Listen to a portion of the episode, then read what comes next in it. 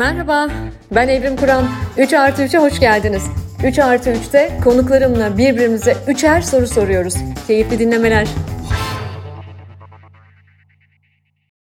Herkese merhaba. 3 artı 3'ün yeni bölümüne hoş geldiniz. Aslında podcastler zamansız yayınlar. Belki bu yüzden çok seviyoruz podcastleri. Yani biz bunu 2023'ün e, baharının ilk günü bu çekimi yapıyoruz ama belki de birkaç sene sonra e, bir hafıza tazeleyeceğiz bunu tekrar dinlediğimizde. Hmm, artık 100 bölüme yaklaşıyoruz e, ama ilk defa bir süreliğine birkaç haftalığına 3 e, artı 3'ü dinlenmeye çektik. Bir kısa mola verdik. Çünkü Türkiye tarihinin en büyük felaketini yaşıyor. E, ama bir yandan da bu felaketin içerisinde belki bundan sonra daha da dik ayakta durma zorunluluğumuz var. O yüzden e, bu yayında bunları açıklıkla konuşabileceğim, sokaktaki vatandaş herhangi insanlar olarak da nasıl e, ayakta durduğumuzu ve neler yapabileceğimizi konuşabileceğim bir dostum bugün konuğum. Bugün konuğum bir sosyal girişimci, bir iş insanı, soyadı gibi bir birey. Oğuzhan Canım. Oğuzhan hoş geldin 3 artı 3'e. Hoş bulduk Evrimcim, hoş bulduk. Bugüne kısmetmiş, bu döneme kısmetmiş e, bu bölümü kaydetmek. E, ama ben her 3 artı 3'te olduğu gibi önce dinleyiciye seni tanıtacağım. Bendeki karşılığını anlatacağım. Ve ondan sonra birbirimize, kuralı hiç bozmadık yine, evvelce birbirimize paylaşmadığımız üçer soru soracağız. Hazır mısın? Hazır. Evet, Oğuzhan kariyerine beyaz yakalı bir pazarlamacı olarak başlıyor. Ve bir sabah kalkıyor. Genellikle böyle bir sabah kalktığında karar alan bir tip zaten.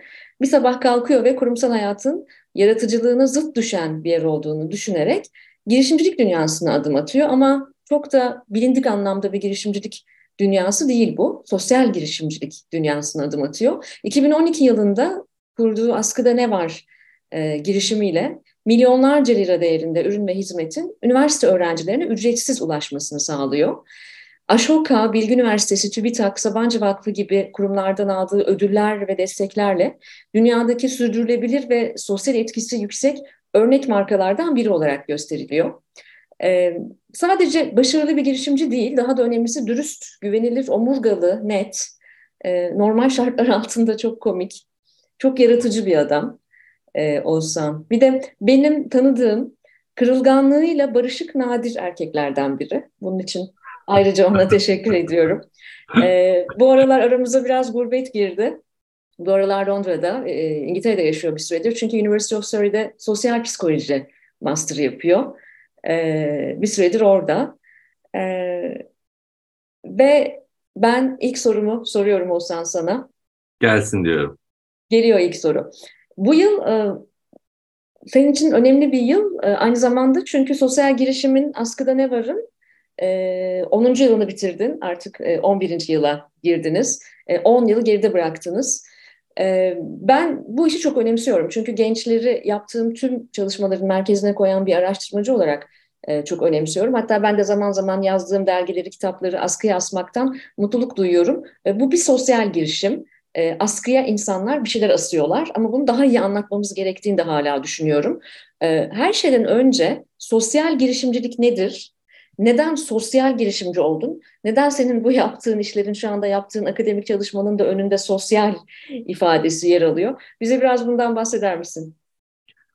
Ee, yani neden sosyal girişimci oldum sorusunun cevabı aslında bende de yok Evrim. Yani ben e, Askı Denevar'ı kurduğumda ne yaptığımı bilmeden kurdum.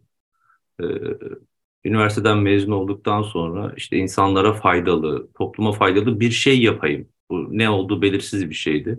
Aklıma da hep sivil toplum kuruluşları geliyordu. Ben bir sosyal sorumluluk projesi yapmak istedim. Ee, işte fikri buldum, başlattım falan. Bir yıl, bir, bir buçuk yıl geçti. Ee, bir gün bir toplantıda e, ismini belki hatırlayacağım, şu an hatırlayamıyorum. Soglan hatırladım. Timur Tiryaki, Soglan'ın kurucusuydu.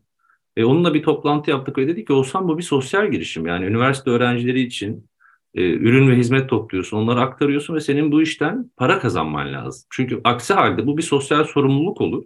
Yani bir yerden atıyorum 100 tane kitap aldın, bunu başka bir ihtiyaç sahibine bağışladın. Bu sürdürülebilir değil. Çünkü başkasına bağımlısın. Ama sen bu işten bir para kazanabilirsen bu iş sürdürülebilir olur ve sen sistemden çıksan bile iş devam edebilir dedi. Ve ben Timur abi için içimden şey geçirmiştim.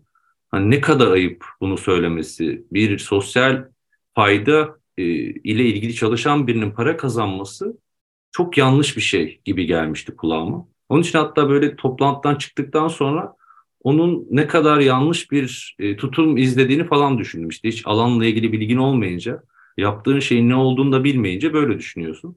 Sonra araştırdıkça arttı Suat Özçağdaş, onun e, sosyal girişimcilik programı vardı Bilgi Üniversitesi'nde. Ona da katılınca ne olduğunu anladım. Ama en özet haliyle şöyle, sürdürülebilir şekilde yani para kazanabilerek, para kazanarak, çalışan istihdam ederek, e, dezavantajlı gruplara yardım edebildiğimiz sistemler. Bu tip sosyal girişimlerin ka amaçları kar edinmek değil, fayda yaratmak ama fayda yaratırken de para kazanabiliyor olman lazım. En özet hali bu. Ben e, işe başladıktan birkaç yıl sonra ne yaptığımı anladım. Ama ne yaptığımı anlamak da yetmedi e, para kazanmaya. İlk dört yıl, dört buçuk yıl bir kuruş dahi kazanmadan sürece devam edebildim. Ardından markalarla görüşüp e, işi bir gelir modeline çevirebilince işi büyütmek mümkün oldu. Yarattığımız faydayı büyütmek mümkün oldu. Daha fazla öğrenciye destek verebildik. E, beni de bu işte en çok heyecanlandıran şu oldu. Bu kadar zaman yani 11. yılda ne beni ayakta tuttu dersen dönüşüm hikayeleri ayakta tuttu. Bir sürü gencin hayatı değişti, dönüştü. Başka bir insana dönüşüyorsun. Yani bu bir şey gibi, bir e, zehir gibi bir insan bir şekilde bu kanına giriyorsa bir yardım etmek, yardım almak o insan artık aynı insan olamıyor. Basit bir örnekle bir toplantıya gidiyorsun. Biz en yakınlarından bir tanesi anladık. Teknosa'da bir toplantıya gidiyoruz. Bir iş konuşuyoruz ve diyor ki karşımdaki pazarlama departmanında çalışan kişi. Ben öğrenciyken faydalanmıştım. Ne yaptığınızı çok iyi biliyorum. Çok teşekkür ederim. Elbette destek oluruz. Şimdi bunun gibi onlarca örnek var. Yani insanlar bir şekilde faydalanmışlar, mezun olmuşlar. Sonra e, bir yerde çalışmaya başlamışlar ve biz nasıl destek verebiliriz diye düşünmeye başlıyorlar. İşte bu toplumsal dönüşümün ta kendisi, sosyal inovasyonun ta kendisi, faydalananın fayda verene dönüşmesi. Beni 11 yıl ayakta tutan, bu işi yapmaya e, çaba göstermemi sağlayan şey bu oldu. Ne kadar yorulsam da, ne kadar bıksam da artık yeter, bu işi yapmak istemiyorum çok yoruldum desem de her örnek beni e, işe yap işi devam ettirmeye motive etti. E, en özet haliyle hani sosyal girişimciliğin ne olduğunu, beni bu işte tutanın ne olduğunu böyle özetleyebilirim. Tabii çok fazla örnek var. E, çok fazla bu dönüşüm hikayesi anlatabileceğim e, konu var ama daha fazla uzatmamak adına böyle cevaplayabilirim birinci sorunu. Çok güzel anlattın. Edip Cansever'in dizesindeki gibi yani karanfil elden ele. O yüzden hele ki şu e, e, çok zor dönemlerden geçtiğimiz şu periyotta sosyal sorumlulukla sosyal girişim arasındaki temel farkın sürdürülebilirlik olduğunu, sürdürülebilir yapılar inşa etmemiz gerektiğini sanırım hep beraber toplum olarak, ülke olarak çok daha net anlıyoruzdur. Taşıma suyla aslında o, e, o değirmenleri döndüremediğimizi. Buraya ayrıca geleceğim ben. E, ama dediğin, e, anlattığın ifadede kullandığın sürdürülebilirlik gerçekten çok kritik. Ben de artık toplumun daha çok sosyal sorumluluk projesine değil, hatta bazı kurumlar bunu sosyal zorunluluk projesi olarak da yapabiliyorlar. Daha çok sosyal girişimciye, daha çok sosyal girişime ihtiyacı olduğunu düşünüyorum. Elinize sağlık. İyi ki yaptınız. Ve... Çok sağ ol Evrim. Yani değişecek bir de şeye de inanıyorum tabii. Şu anki profit dediğimiz yani kar odaklı çalışan şirketler de bir şekilde 10 yıl sonra, 20 yıl sonra e, toplum faydasında da iş yapmak zorunda olacaklar. Hatta şöyle kurallar olacak. Sen ne kadar ciro yaptın, ne kadar kar ettin ve bu paranın ne kadarın topluma bağışladın diye insanlardan hesap sorulacak. Şu anda dahi hatta yapılıyor. Bu deprem felaketinden sonra markalar sosyal medyada görmüş şu marka hiçbir katkı sağlamadı. Bir daha alışveriş etmeyeceğiz diye milyonlarca paylaşım aldı. Şimdi sıkıysa destek olmasınlar bakalım. Yani o ülkeden fayda sağlıyorsan sevgili kardeşim, sevgili marka geri dönüp sen de dezavantajlı insanlara yardım etmek zorundasın. İnsanlar bilinçlendikçe markalar bu konuda çalışma yapmak zorunda kalacaklar. Benim de heyecanla beklediğim bir dönem bu. Çok doğru. Yani e, çok çok önemli bir vurgu bu. Ben de araştırmalar tarafından bunu besleyeyim, senin bu e, ifadeni besleyeyim. Bizim zaten epey bir zamandır dünya genelinde yaptığımız, biliyorsun her yıl yaklaşık bir buçuk milyon gence ulaşıyoruz e, işveren markası araştırmalarımızda. Ve biz e, en iyi şirketleri, en iyi şirket seçme, beğenme, bu kadar çok beğenme sebeplerini incelediğimizde birkaç yıldır dünya genelinde e, ikinci sırada ulvi amaç geliyor. Ulvi amaç, ülkü. Bu şu demek, şirketin hedefi, misyonu değil, ulvi amacını, evet. purpose'ını önemsiyorum. Ulvi amaç ne demek?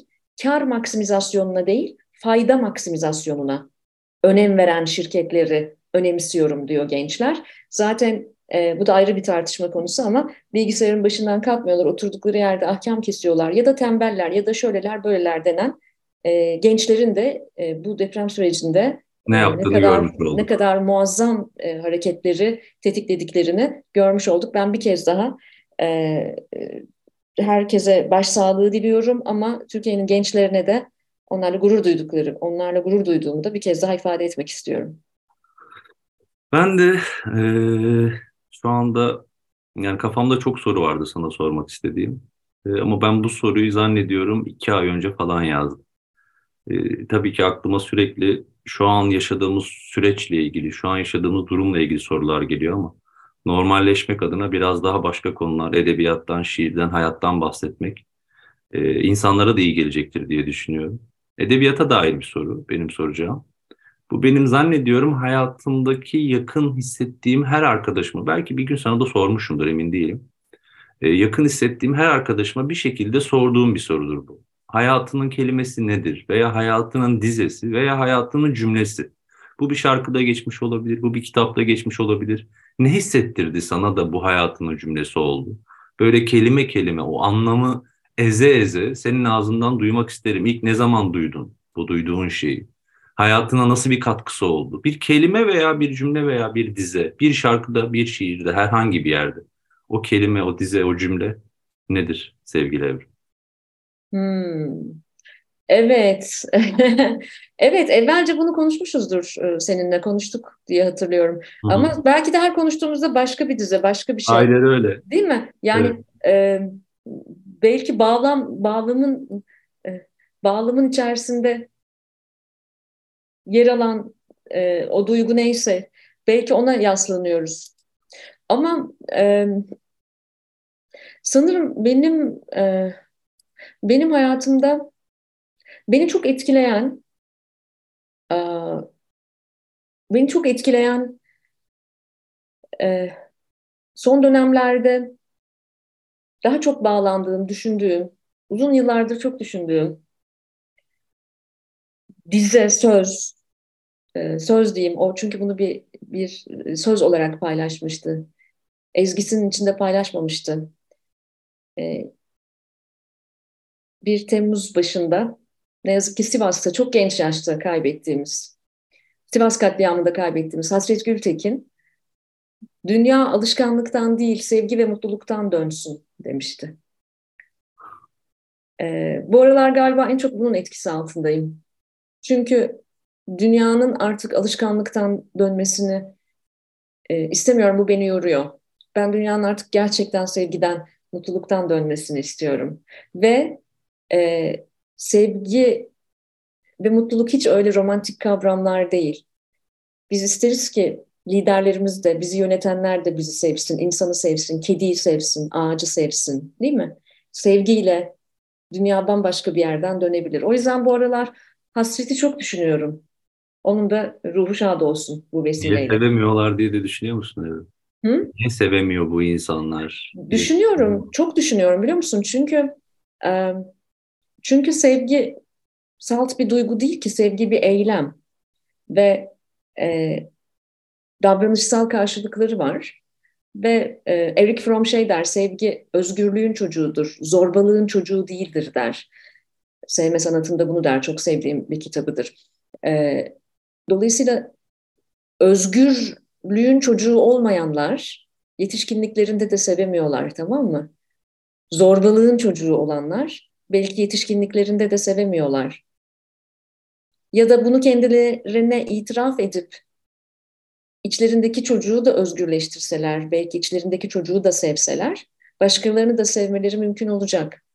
Ama bu aralar ben sevmek üzerine çok düşünüyorum olsam. Romantik aşk üzerine değil, gerçekten sevmek üzerine. Sevmeyen, insanı sevmeyen, kediyi sevmeyen, kuşu, böceği, ağacı sevmeyen vatanı da sevemez ya. Memleketi de sevemez. Sevmeyen de girişimci de olamaz zaten. Bu Lider de olamaz. Sanki bir yerden çok böyle romantik geliyormuş gibi de hissediyorum. Belki benim ön yargım. Yani bu sevme eylemini e, romantikleştirildiğini düşünüyorum. Halbuki çok basit, çok doğduğumuz an itibariyle ihtiyaç duyduğumuz bir şeyken şu anda sevgiden bahsetmek bile yani çağın da getirdiği bir şeyle mesela şey dedin ya e, konuşmayı açarken kırılganlığıyla da barışık biri diye. E, çok hoşuma gitti söylediğin. Gerçekten böyle olmak yani kırılgan olabilmek bana çok iyi hissettiren bir şey. Çünkü kırılacağım ki tekrar onarabileceğim. Kırılacağım ki tekrar onaracağım. Bunun içinde de sevgi var. Yani sevgi Kesinlikle. vereceksin ki birilerine batıracaksın. Sonra tekrar başka birini seveceksin. Başka bir şey seveceksin. Tekrar tökezleyeceksin ve böyle hayat devam edecek seve seve yani. Kesinlikle seve seve devam edecek. O yüzden bu kırılganlığın e, çok büyük bir güç olduğunu da düşünüyorum ve tabii ki erkeklerde daha büyük bir savunma mekanizması belki var veya benim gibi sözüm ona tırnak içinde güçlü kadın etiketinin, apolitinin yapıştırıldığı insanlarda düşmem, kalkmam, yıkılmam bilmem ne falan ama kırılganlık bize göğüs kafesimizde bir yürek taşıdığımızı gösteriyor. Ve kırılganlık bize hata yapabilme izni veriyor ve özür dileyebilme fırsatı da tanıyor. O yüzden bence kırılganlığa açık olmak da bir süreçte gerçekleşiyor. Ee, yani bunlar o kadar da derin felsefi konular değil, insana dair konular. Bir cümle vardı, sosyal medyada paylaşmıştım ama tam hatırlamamakla beraber şöyle bir şeydi. Kırılganlığın güçsüzlükle ilişkilendirildiği bir yer var ama aslında kırılgan olabilmek asıl güçlü olabilmek. Çünkü kırılgan olmaya müsaade edebilmek seni daha güçlü yapıyor. Aksi halde kırılmamaya çalışmak mümkün. Bağ kurmazsan kırılmazsın. Seni nasıl kıracak biri? Bağın yok. Ona karşı beslediğin bir duygu yok. Sadece kendindesin. Nasıl kıracak seni? Birini sevmezsen, birine güvenmezsen ve kırılamazsın. O zaman ne yaşarsın? Yaşadığın şey deneyimin nerede olur? Bilinmez ve anlamsız, tatsız, yavan bir şey yani o. Kesinlikle. Kesinlikle. Yavan bir şey. Ee, yani e, burada tabii Brené Brown'u da analım. Bazen e, benim yayınları e, dinleyen sevgili dostlar, dinleyiciler, kağıt kaleme dinleyenler var. Buradaki e, andığımız yazarları, kitapları da. Benim çok önemsediğim bir araştırmacı Brené Brown. Ve Rising Strong, Türkçe okumak isteyenler için Kuvvetle Ayağa Kalkmak diye bir çevirisi de var. O kitabın epigrafında şöyle bir şey yazıyor. O kitabın girişinde şöyle bir ifade var.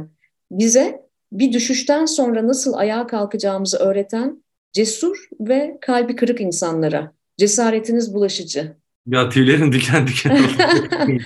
ne kadar Çok güzel iyi. değil mi? Evet ya. Ee, ve işte zaten o kitapta e, bunu söylüyor. Kırılganlık zayıflığımız değildir. Cesaretimizin en önemli ölçeğidir diyor. Yani kalbi kırıklar aramızdaki en cesur kişilerdir. Çünkü onlar sevmeye cesaret ettiler. Oh be ağzım bal yesin. o yüzden e, sevmeye cesaret edenler de e, elbette kırılıyorlar. E, e, travmalar yaşıyorlar. E, sebep her ne olursa olsun kendi özel yaşantılarında veya dünyada, dünyanın herhangi bir yerinde veya memleketin herhangi bir noktasında olan biten her şey kalbimizi kırabiliyor. O yüzden umurumda bile değil e, demeyi tercih ediyor bazıları. Bana ne? Umurumda bile değil, bana bir şey olmaz, ben kırılmam demiyor, de, demeyi tercih ediyor. Çünkü umurumda bile değil demek, diyor Brené, incindim demekten çok daha kolaydır. Evet. O yüzden incindim diyen, kırıldım diyenler daha cesurdur. Bu vesileyle de kendimize yas tutmaksa yas tutmak, e, üzgün olmaksa, e, keyifsiz olmaksa e, buna da izin vermek bence değerli bir şey. Ağzına sağlık. Evet, geldik benim ikinci soruma. Ee, bu e, e, bu konuyu bu vesileyle e, konuşmamız, tartışmamız kısmet olacakmış bu yayında.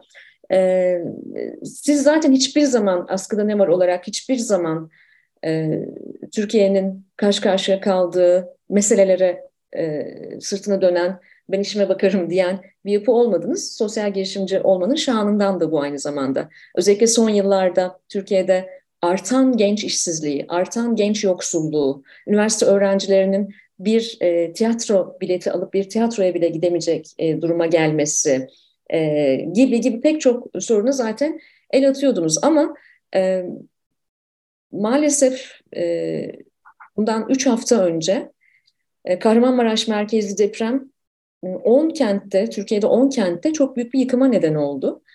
E, şu anda resmi rakamlar 50 bin civarı can kaybı diyor ama bunu bilmiyoruz. 100 binden fazla bina yıkıldı ya da yıkılması bekleniyor. 3 milyon insan deprem bölgesini terk etti. Belki de normal her neyse normale dönmemiz 3 yılı alacağı öngörülüyor. Bunlar gerçekten çok devasa sonuçlar. Siz ise askıda ne var olarak hemen örgütlendiniz ve depremden etkilenmiş, birinci dereceden yakınını kaybetmiş veya evi zarar görmüş üniversite öğrencileri için askıda burs var diye bir hareket başlattınız. E, askıda burs varı çok önemsiyorum. E, hem hala Türkiye'de yardım etmek isteyen ve nasıl yardım edeceğini bilmeyenler için bunlar bireyler olabilir, bunlar kurumlar olabilir.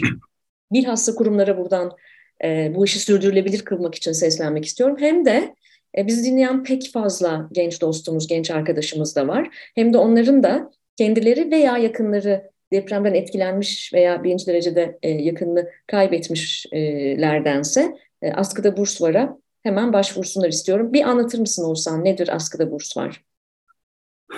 Şöyle, e, yani depremden sonraki dönemde herkes, ahbap, e, sivil toplum kuruluşları, birçok kuruluş yardım için hareket başlattı. Ee, biz o süre içerisinde birkaç gün bekledik. Çünkü önce yani o göçük altındaki insanların e, çıkartılması, sonrasında çıkanların veya e, evi yıkılan insanların bir şekilde çadırlara yerleştirilmesi, hani ilk temel ihtiyaçların çözülmesi gerekiyordu. Onun için onu bekledik. Ardından da kampanyayı başlattık. E, kampanya özetle şöyle, bir burs fonu oluşturduk. Sadece üniversite öğrencileri için.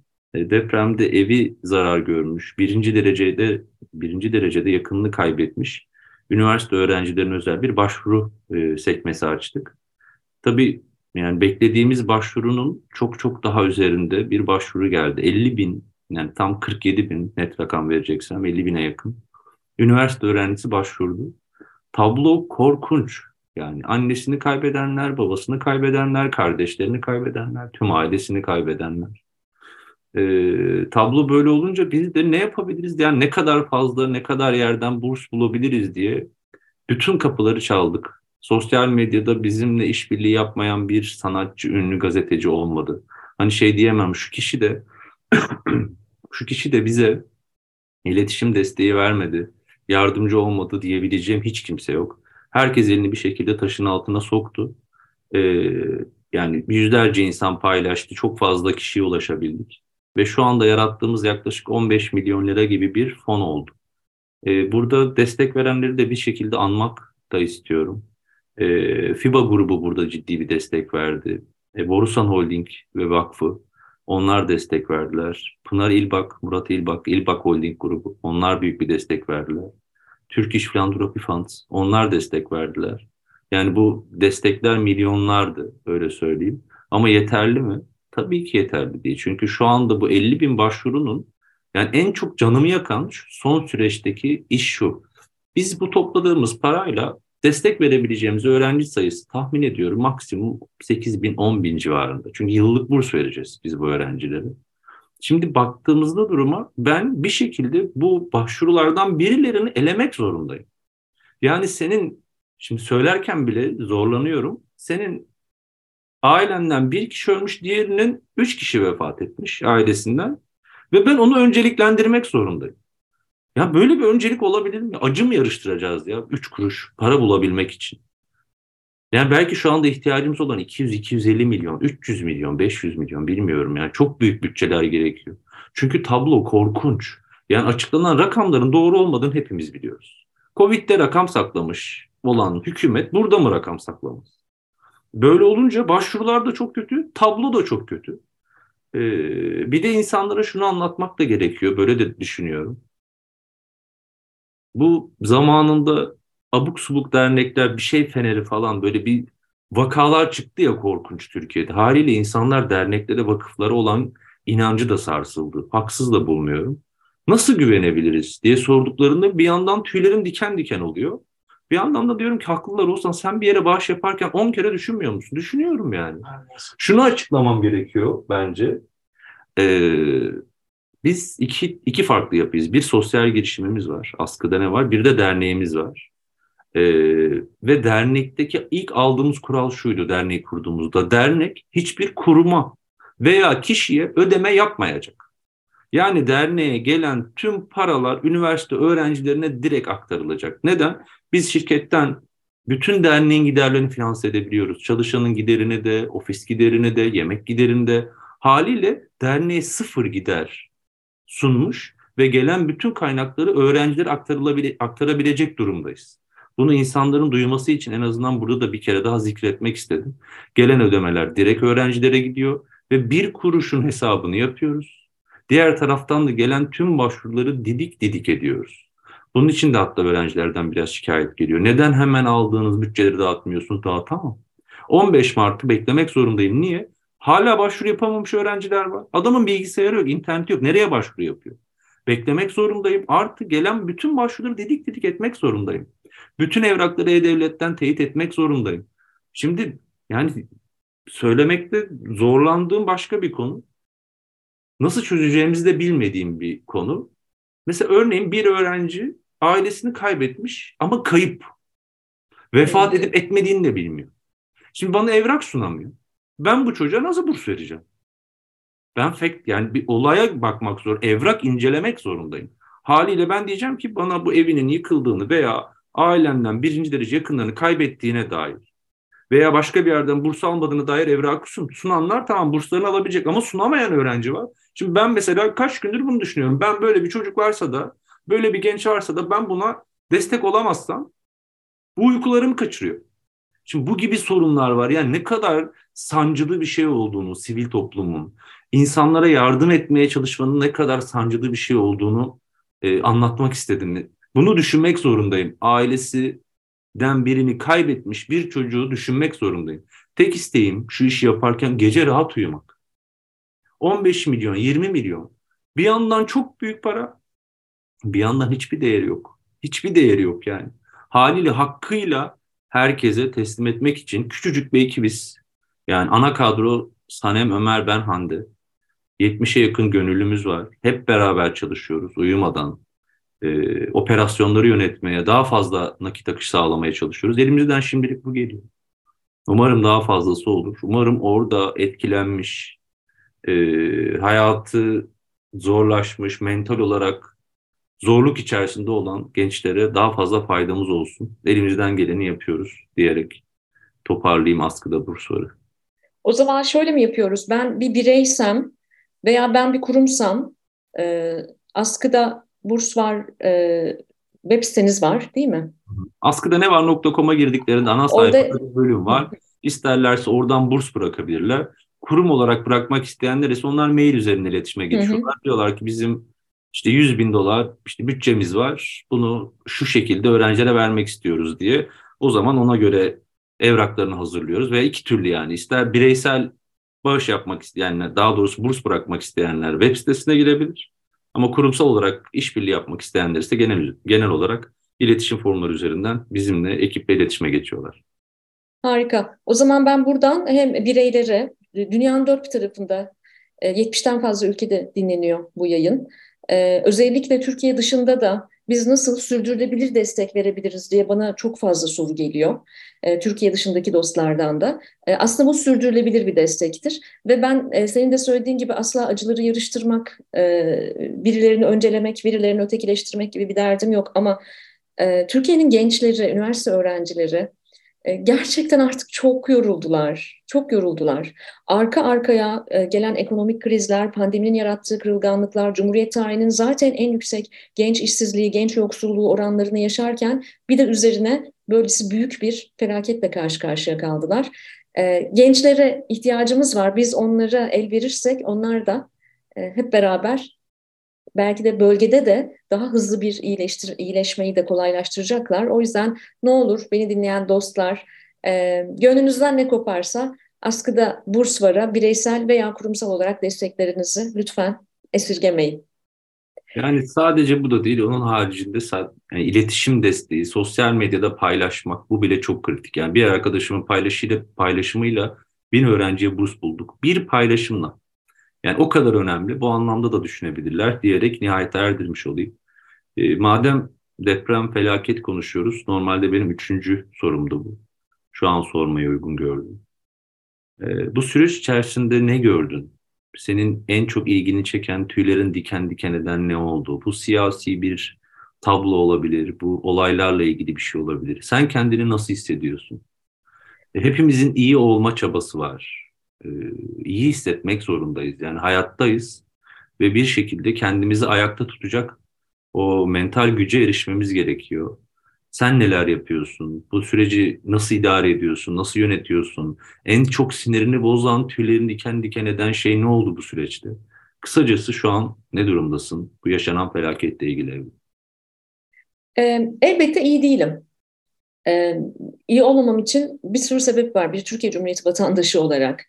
E, zaten e, hayata dair bir meselesi olan biri olarak e, iyi değilim. E, fakat bu o, bu yaşadığımız felaket e, bana aslında farkında olduğum ama altını kalın kalın çizdiği bazı şeyleri de hatırlattı. Ve bunları da içime atmak da istemiyorum açıkçası. E, bir yandan kafası kesilmiş tavuk gibi her bir yere koşturmaya çalışıyoruz üç haftadır ve nerede e, ihtiyaç varsa oraya yardım eriştirmeye, ulaştırmaya çalışıyoruz e, pek çok sivil inisiyatifle beraber. Ama öfkeli olduğum şey e, bir sosyal sorumluluk e, ve bir tek başına bir sivil inisiyatif işiyle sürdürülebilir işler yapmamızın gerçekten çok zor olduğu. Mesela senin az evvel bahsettiğin gibi yani ben belge isteyeceğim, evrak isteyeceğim bilmem ne yani o kadar büyük engeller var ki. Dolayısıyla bu, bu yapı içerisinde e, sürdürülebilir işler yapmanın ne kadar imkansız olduğunu, zor olduğunu görmek beni çok üzüyor. O yüzden iyi değilim. E, bir yandan ben anne tarafından Malatyalıyım. E, Malatya e, benim ilçem, köyüm e, etkilendi. E, oradan ayrı bir kalbim sızlıyor tabii ki. Yani e,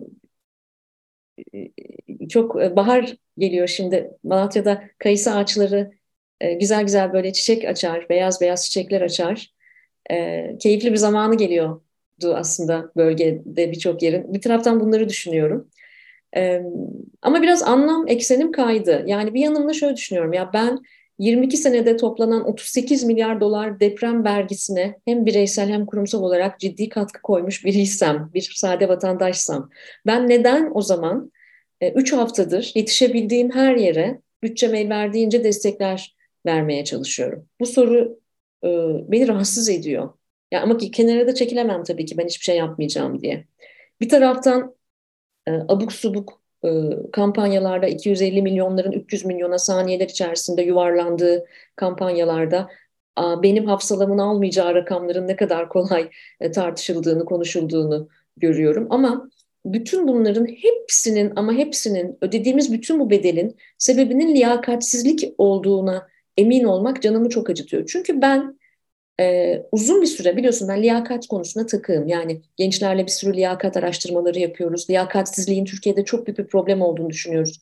Liyakatsizliğin e, ülkeyi vasatlaştırdığını, işte insanların göç ettiğini, ülkeden gittiğini, gençlerin falan hep konuştuk. Ama ben liyakatsizliğin birinci derecede insanın ölümüne sebep olabileceğini bu kadar yakından fark ettim burada. Yani hani liyakatsizliğe izin vermek cinayettir diye anlatmamız gerekiyormuş meğer bunu tamam mı? Yani liyakatsizliğe izin verirsek inovasyon çıkmaz. Liyakatsizliğe izin verirsek gelişemeyiz. Liyakatsizliğe izin verirsek e, gençlerin umudu kırılır, liyakatsizliğe izin verirsek bilim üretemeyiz. Bunların hiçbirini böyle anlatmamak gerekiyormuş olsa. Şöyle anlatmak gerekiyormuş. Liyakatsizliğe izin verirsek cebren. Canımızdan oluruz. Evet, bu kadar. Cinayete sebep oluruz. Canımızdan oluruz. O yüzden e, benim en çok kafama takılan kısmı bu. Yani bireysel bağışlarımızla bu iş nereye kadar gidecek, e, nasıl olacak falan. Bir taraftan da olayın bir duygu pornografisi tarafı da var. Biliyorsun yaşanan her trajedide, e, her krizin, her trajedinin bir turnusol kağıdı olduğunu da düşünüyorum ben. Yani sen sadece dostlarını tanımazsın kendi kişisel zor günlerinde. Dostunu ve düşmanını ayırt edersin de. Ama insanları, toplumları da tanırsın bir yanıyla. O yüzden e, bir e, duygu yağmacılığının, bir fırsatçılığın da bir yandan e, peydahlandığını da görüyorum falan.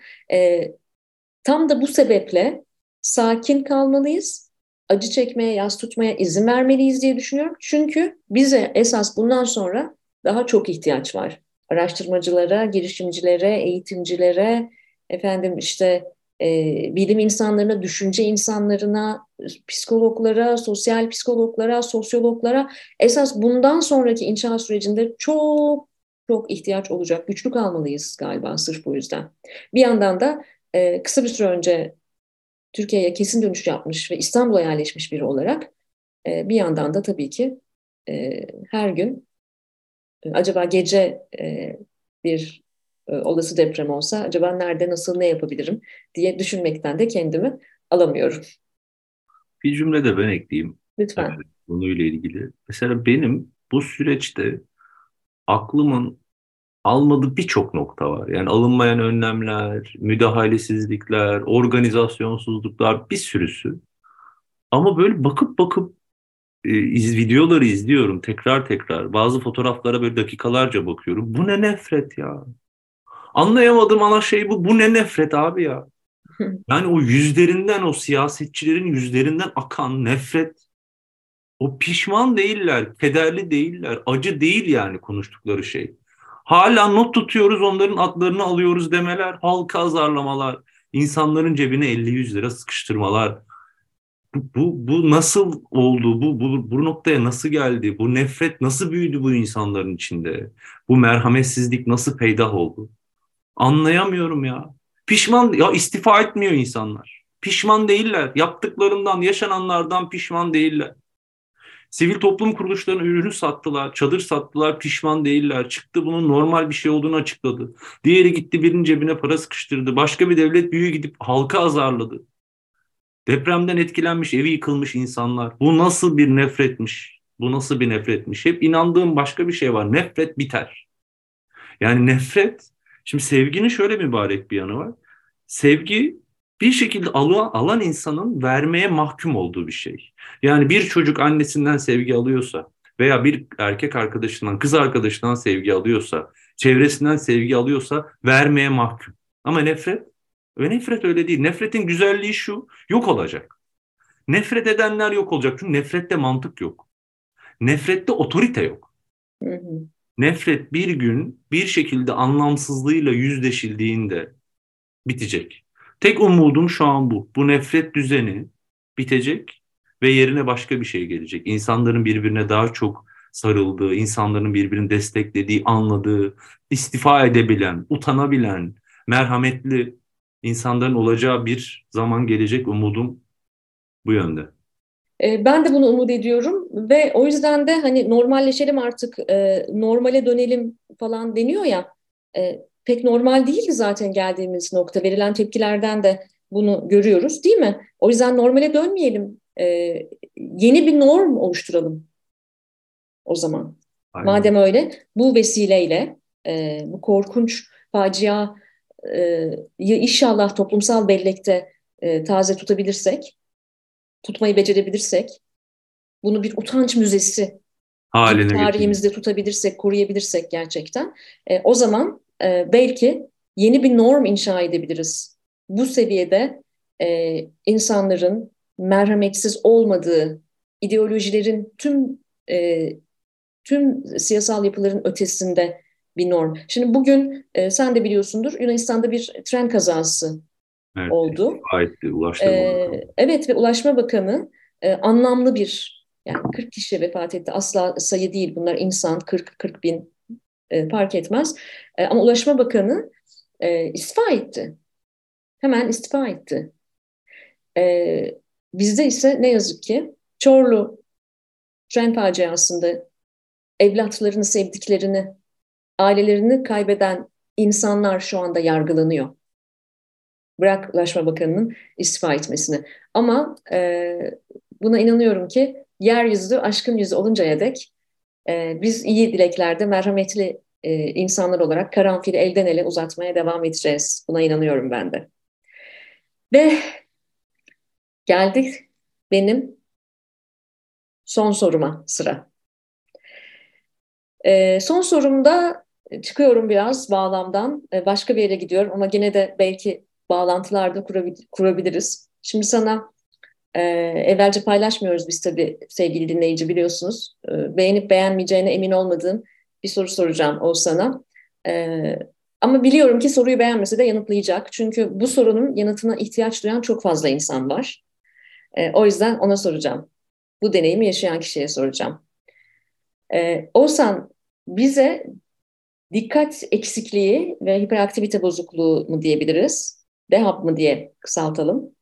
Evet diyebiliriz. Evet. Bize dikkat eksikliğini anlatmanı istiyorum. Bu nedir? Çünkü ben biliyorum sen e, bir e, ADD'si olan bir attention deficiency, dikkat eksikliği e, olan uzun yıllar bu yüzden hatta e, akademik hayatında da kurumsal hayatın devam ederken de çeşitli bedeller ödemiş, sıkıntılar yaşamış birisin. Ve şimdi bütün bu haline, paketine e, rağmen demiyorum bu özelliklerinle birlikte şimdi oldukça e, zorlayıcı bir akademik alanda, sosyal psikoloji alanında yüksek lisans yapıyorsun. Üstelik İngiltere'de yapıyorsun bu yüksek lisansı da e, ve uzun saatler ders çalışabiliyorsun. Görüyorum, biliyorum. E, çok konsantre paperlar yazıyorsun, ders çalışıyorsun.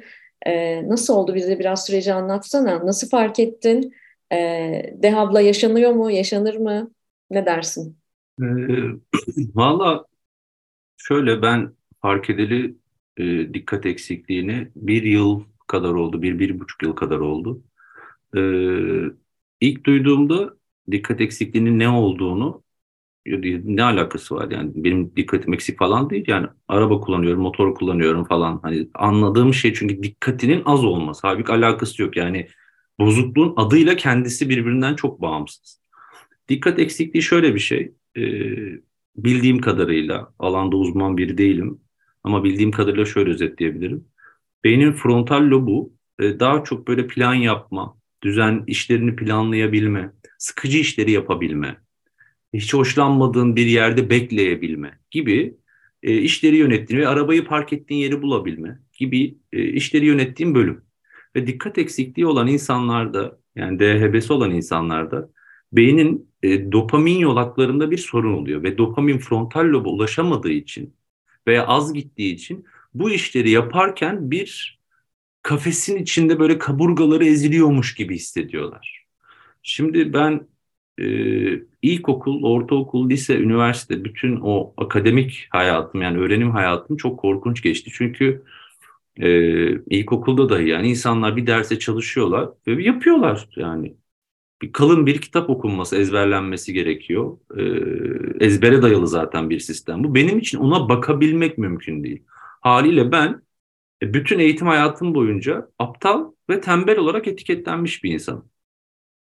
Şimdi bir şeyi size sürekli zikrederse bir insan ve bir grup, aileniz dahil, e, o ihtimali inanmaya başlıyorsunuz. Yani herhalde demek ben evet ben aptal biriyim herhalde veya ben tembelim. Mesela tembel olmak benim için çok kabul edilmiş bir şeydi.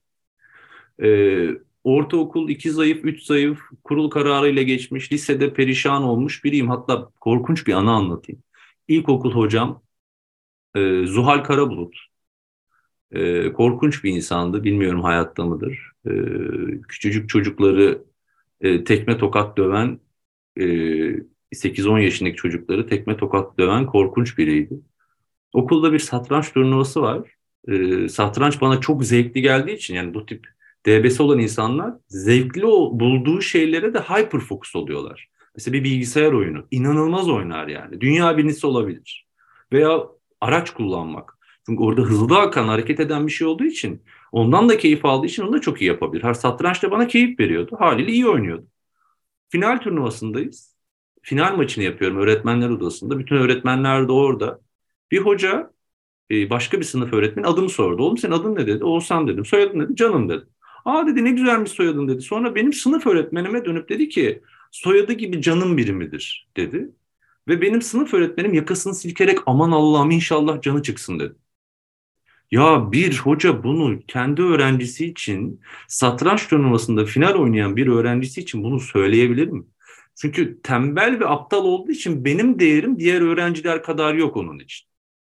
Bu ortaokulda da böyleydi, üniversitede de böyleydi. Mesela üniversiteden başka bir anı anlatacağım. Dört yıllık üniversiteyi ben altı buçuk yılda zor bitirdim. E, çünkü iktisat okudum ve nefret ederek okudum. E, aynı dersi iktisat tarihi dersini 7-8 kere aldığımı biliyorum. Tarih okuyamam mesela. Okuyamıyorum yani. Nefret ediyorum tarihten. Neyse benim 6. 6. yılım e, alt dönemlerin 4. yılı. Onlar zamanında bitirecekler. Bir gün böyle oturuyoruz arkadaşlar. 8-10 kişi. İşte kız arkadaşım var, arkadaşlarım var falan böyle kalabalık bir grup. Biri işte şeye hazırlanıyor, KPSS sınavına hazırlanıyor. Diğeri bankacılık bilmem nesine hazırlanıyor. Diğeri mali müşavirlik sınavına hazırlanıyor. Bana sordular Oğuzhan hani sen ne yapmayı düşün? Dedim ben bankacı olamam biliyorum yani hesap kitap ben yapamam. Dediler KPSS dedim çalışamam ben mümkün değil. Şimdi, mali müşavirlik oğlum imkansız. Sonra bir arkadaşım vardı ismi lazım değil dedi ki ya abi dedi kusura bakma ama dedi sen dedi mezun olduktan sonra senin hiçbir bok yapabileceğini düşünmüyorum ya dedi. Ve 10 kişi böyle kahkahalarla güldüler. Ben de tabii bu komik bir şakaymış gibi ben de güldüm ama eve gidip düşündüğünde ya diyorsun bu kadar insan yanılıyor olamaz yani. ya stigmatizasyonun işte böyle kötü etkileri var etiketlenmenin. Korkunç bir şey yani korkunç bir şey. Sonra iş hayatıma girdiğimde de mesela fark ettiğim şeylerden biri şuydu. Yani askıda ne varı çok severek yaptım. Fakat askıda ne varın sıkıcı olan hiçbir işini ben yapmamışım 11 yıldır. Ben hep insanları motive etmişim. Ben mesela bir insanın nasıl düzenli programlı olabileceğine dair konferans verebilirim. Ama olsan düzenli olabilir. Olamam ya, olamıyorum, olamıyorum yani. Yapamıyorum. Bir yerde beklediğimde hissettiğim sıkışma hissini anlatamam. Bir Excel tablosun çalıştığım bir şirkette önüme bir Excel koydular. Büyük bir şirkette çalışıyordum. Dediler ki üçüncü, beşinci ayım mı ne? Yani bu tabloyu işte bilmem ne analizine göre hazırlayıp şöyle bir şey yapacaksınız. Ben bir ay sonra işten atıldım. Çünkü yapamam yani. Ben o Excel'e baktığımda hissettiğim şeyi tarif etmem mümkün değil.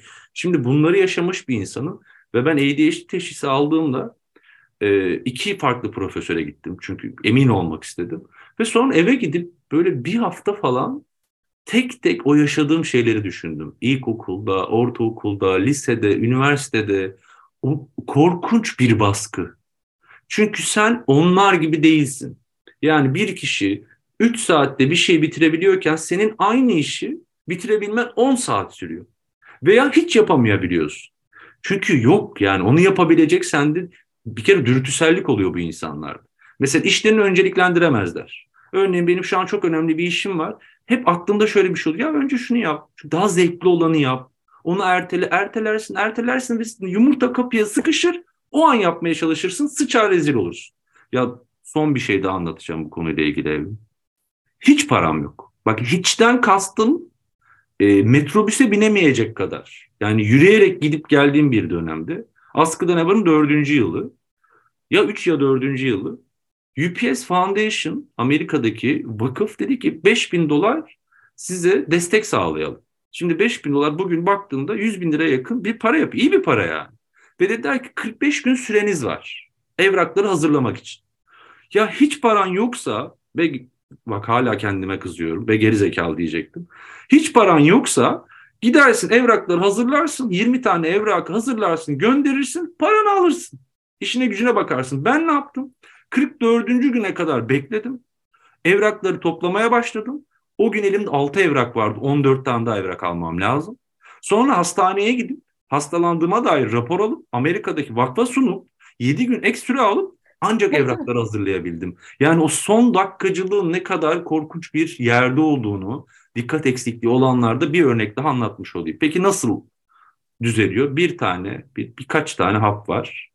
Ve bu haplar sizin beyninize, frontal lobunuza daha fazla dopamin gitmesini sağlıyor. Böyle olunca hem dürtüsellik azalmış oluyor. Yani işleri önceliklendirirken işte kolay olan işi yapayım de e, sonra zor olanı yapayım değil de ne yapman gerekiyorsa onu yapabiliyorsun. Aklın dağılmıyor ve o sıkıcı işi yaparken bence en, en önemli part şu. O sıkıcı işi yaparken içinde böyle tam tarif edemeyeceğim bir mutluluk, bir keyif alma hali oluyor bir tane hapla çözülebilen bir şey ama bu hap bilinmediği için ADHD hala Türkiye'de tam olarak tanınmadığı için binlerce insan işten atılıyor, işsiz kalıyor, sosyal hayattan uzaklaşıyorlar, depresif oluyorlar, daha depresif oluyorlar ve korkunç bir hayat yaşıyorlar. Bunu bilmedikleri için ve teşhis edilmediği için. Yani yakın zamanda ADHD üzerine konferanslar vermeyi de düşünüyorum. Çok hassas bir konu ve bildiğim kadarıyla toplumda yüzde ona yakın şu an emin değilim rakamdan. %10'a yakın insanı bundan muzdarip olduğunu da biliyorum. Ve bir hapla kontrol edilebilen bir şey. Tabii ki sadece bir hap yeterli değil. Yani davranışsal olarak da değiştirmeniz gereken çok şey oluyor ama epey yardımcı oluyor. Ne kadar çok konuştum. Çok iyi oldu çünkü e, birçok insanın bunları duymaya çok ihtiyacı olduğunu düşünüyorum. Bilimin ışığından ayrılmıyoruz demek ki. Efendim bunun hekimleri var, uzmanları var. E, tıpkı Oğuzhan'ın da yaptığı gibi gidiyoruz uzmanına, hekimine başvuruyoruz ve e, bilimin ışığında davranışlarımızı değiştirebiliyoruz. Bu iyi bir haber. E, evet. Belki aksi halde kendimizi işe yaramaz, tembel, aylak, e, sürekli depresif veya işte mutsuz vesaire gibi insanların bizi etiketlemesine e, izin vermektense mevzunun kökenine inmek bence daha pratik bir çözüm, daha akılcı bir, bir çözüm. ekleme yapabilirim. Herkes ADHD ilk duyduğunda aa bende de var diyor. Yani bunun Hı. belli oranları var. Hepimizde tabii ki biraz tembellik var, işleri öteleme var, işte dürtüsel hepimizde var. Ama bunun Hı. belli oranları var. Hayatını ne kadar zorlaştırdığı ile e, karar verilen bir şey ve klinik e, görüşmeyle bir psikiyatristle görüşmeyle karar verilebilecek bir şey. Onun için aa ben duydum, ben de erteliyorum, ben de odaklanamıyorum diyen herkes de yok e, belli oranda çünkü yani gerçekten hayatınızı karartacak oranda olup olmadığı önemli. E, o konuya da böyle bakmak bence kritik. Yani sizde olmayabilir bu semptomlar olsa bile. Ama yine de eğer bu hayatını zorlaştırıyorsa mutlaka bir psikiyatriste görüşün derim. Harika. Şimdi Mutlaka bir uzmana danışın lütfen efendim. Eğer böyle kendinizle ilgili etrafta duyduğunuz haller varsa Google'lamayın. Bir uzmana danışın lütfen. Ve son soru sırası sende. Son soru. Bu benim seninle ara ara aslında konuştuğum bir konu. Ee, çok renkli bir insansın. Diyorsun. Yani seni yakın, mi? yakından tanıyan insanlar, yakın çevren, e, senin ne kadar troll olduğunu, komik olduğunu, eğlenceli olduğunu, sinirli olduğunu, aksi olduğunu, çocuk olduğunu, yaşlı her şeyi senin bir zenginliğinin olduğunu bilirler. Fakat dışarıdan bakan insanlar, seni yakından tanımayanlar senin böyle bildikleri şey şu olur. Evrim güçlü bir kadın, başarılı bir kadın, keskin bir kadın ve daha fazla yorum yapabilecek cesaretleri olacağını düşünmüyorum. Senin sosyal medya hesabına baktıklarında bile e, görecekleri profil bu ve burada da bir bir tercih e, yaptığını bilinçli veya bilinçsiz bilmiyorum yaptığını düşünüyorum. Bir kere öfkeden beslenen bir tarafın olduğunu biliyorum. Fakat bu görüntü yani o güçlü olma hali, e, o keskin olma hali benim aklıma şunu getiriyor. Bir korkuyor mu acaba evrim diye de düşünüyorum. Çünkü bu bir otorite. Yani kurduğun şey yakın çevrenin haricinde o, o çemberin haricindeki insanlara dair gösterdiğin şey bir otorite. Ve o zaman bu otoriteyi kurmaya dair bir ihtiyacın olması gerekiyor. Atıyorum tabii ki şu anda bunları. Bunlar tamamen benim ön yargılarım bir otorite ihtiyacın olması gerekiyor. Otorite ihtiyacının doğabilmesi için de bir şeyden korkuyor olman lazım. Korkuyor musun Evrim? Harika soru. Soruları önceden almazsan böyle oluyor işte.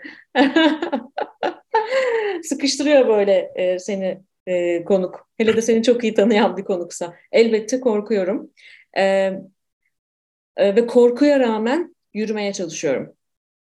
Benim e, yaş, ilerleyen yaşım yani artık hayatımın bu evresinde e, kendime korkmaya da ve korktuğumu itiraf etmeye de izin verme lüksü tanıyorum. Tabii ki korkuyorum. Evet e, çok doğru bir tespitte bulundun. Beni e, dışarıdan tanıyanlar işte iş yaşamından yani dışarıdan uzaktan tanıyanlar e, benim birinci çemberime girdiklerinde biraz şaşırabiliyorlar yani aslında e, komik ve eğlenceli ve yani renkli bir kadınmış falan gibi. O kadar yani korkulacak geçen bir müşterim dedi bunu. E, ya bize siz hani çok sert acayip böyle